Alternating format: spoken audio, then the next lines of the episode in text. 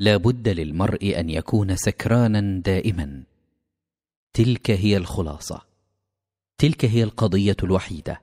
فلكي لا تشعروا بعبء الزمن الفادح الذي يحطم كواهلكم ويحنيكم إلى التراب لا بد لكم من أن تسكروا بلا هوادة.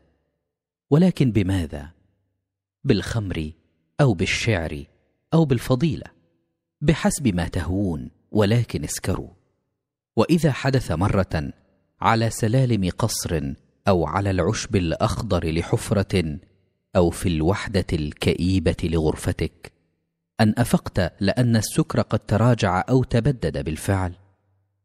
اسأل الريح والموجه والنجمه والعصفور والساعة وكل ما يهرب وكل ما يتأوه وكل ما يدور وكل ما يغرد. وكل من يتكلم. اسأل. اسأل عن الوقت وسوف تجيبك الريح والموجة والنجمة والعصفور والساعة.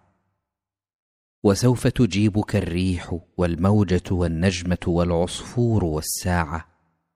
إنه وقت السكر. لكي لا تكونوا عبيدا معذبين للزمن. اسكروا.